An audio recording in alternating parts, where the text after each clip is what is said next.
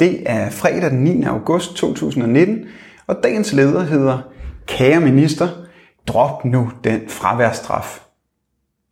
Undervisningsminister Pernille rosenkrantz teil har besluttet at udskyde den lov, som ellers fra 1. august i år skulle gøre det muligt for kommuner at tage børnechecken fra forældre, hvis deres barn har for meget ulovligt fravær.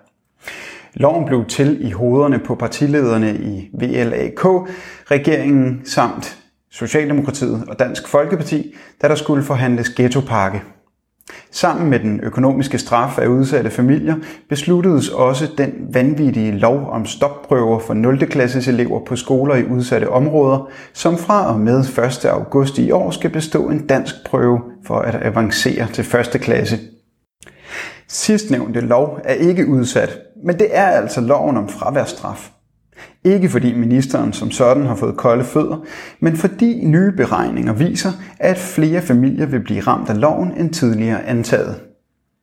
Udskydelsen betyder, at ministeren vil indbyde forligskredsen til en ny runde emanation, og det rejser jo muligheden for at stanse dette horrible straffetogt imod de fattigste børnefamilier i landet. For selvom loven om fraværsstraf gælder for alle skoler i landet, så rammer den, som al anden økonomisk straf i øvrigt, lige så skævt, som man må formode tilsigtet. Overklassen og de bedre stillede familier går jo ikke konkurs af at miste 2.862 kroner et kvartal, fordi familien har været ude at rejse i en længere periode. For rigtig mange arbejderfamilier i den lave ende af lønskalaen og for ikke mindst de mest udsatte familier vil fraværet af børnechecken have uoverstigelige konsekvenser.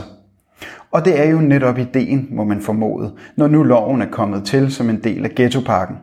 At de fattige, som er dogne og dårlige til at opdrage deres børn, skal have en tur med pisken.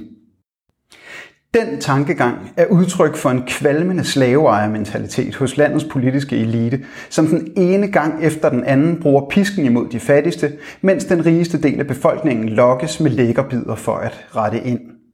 Kære Pernille rosenkrantz Tejl, brug nu udsættelsen til at lytte til fagkundskaben, til skolelederne, socialrådgiverne og lærerne, og drop denne modbydelige straf direkte rettet imod de, som har allermindst.